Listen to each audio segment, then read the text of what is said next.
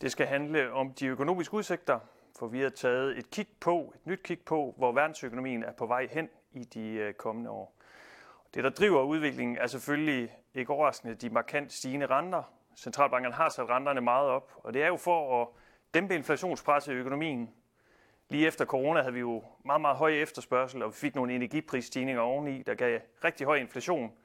Og øh, de højere renter skal jo så dæmpe den her inflation ved at dæmpe efterspørgselen. Og centralbankerne er kommet et stykke af vejen i mål. Inflationen er begyndt at falde.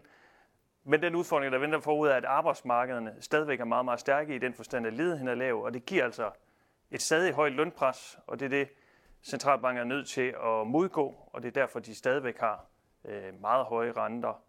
Og øh, det vi spår, det er sådan set, at vi får en mild konjunkturnedgang i 2024 og 2025. Det er det, vi kalder en blød landing. Men risikoen er, at det faktisk bliver en, en lidt hårdere nedgang, fordi det er svært at dosere de her renteforholdelser fra centralbankernes side.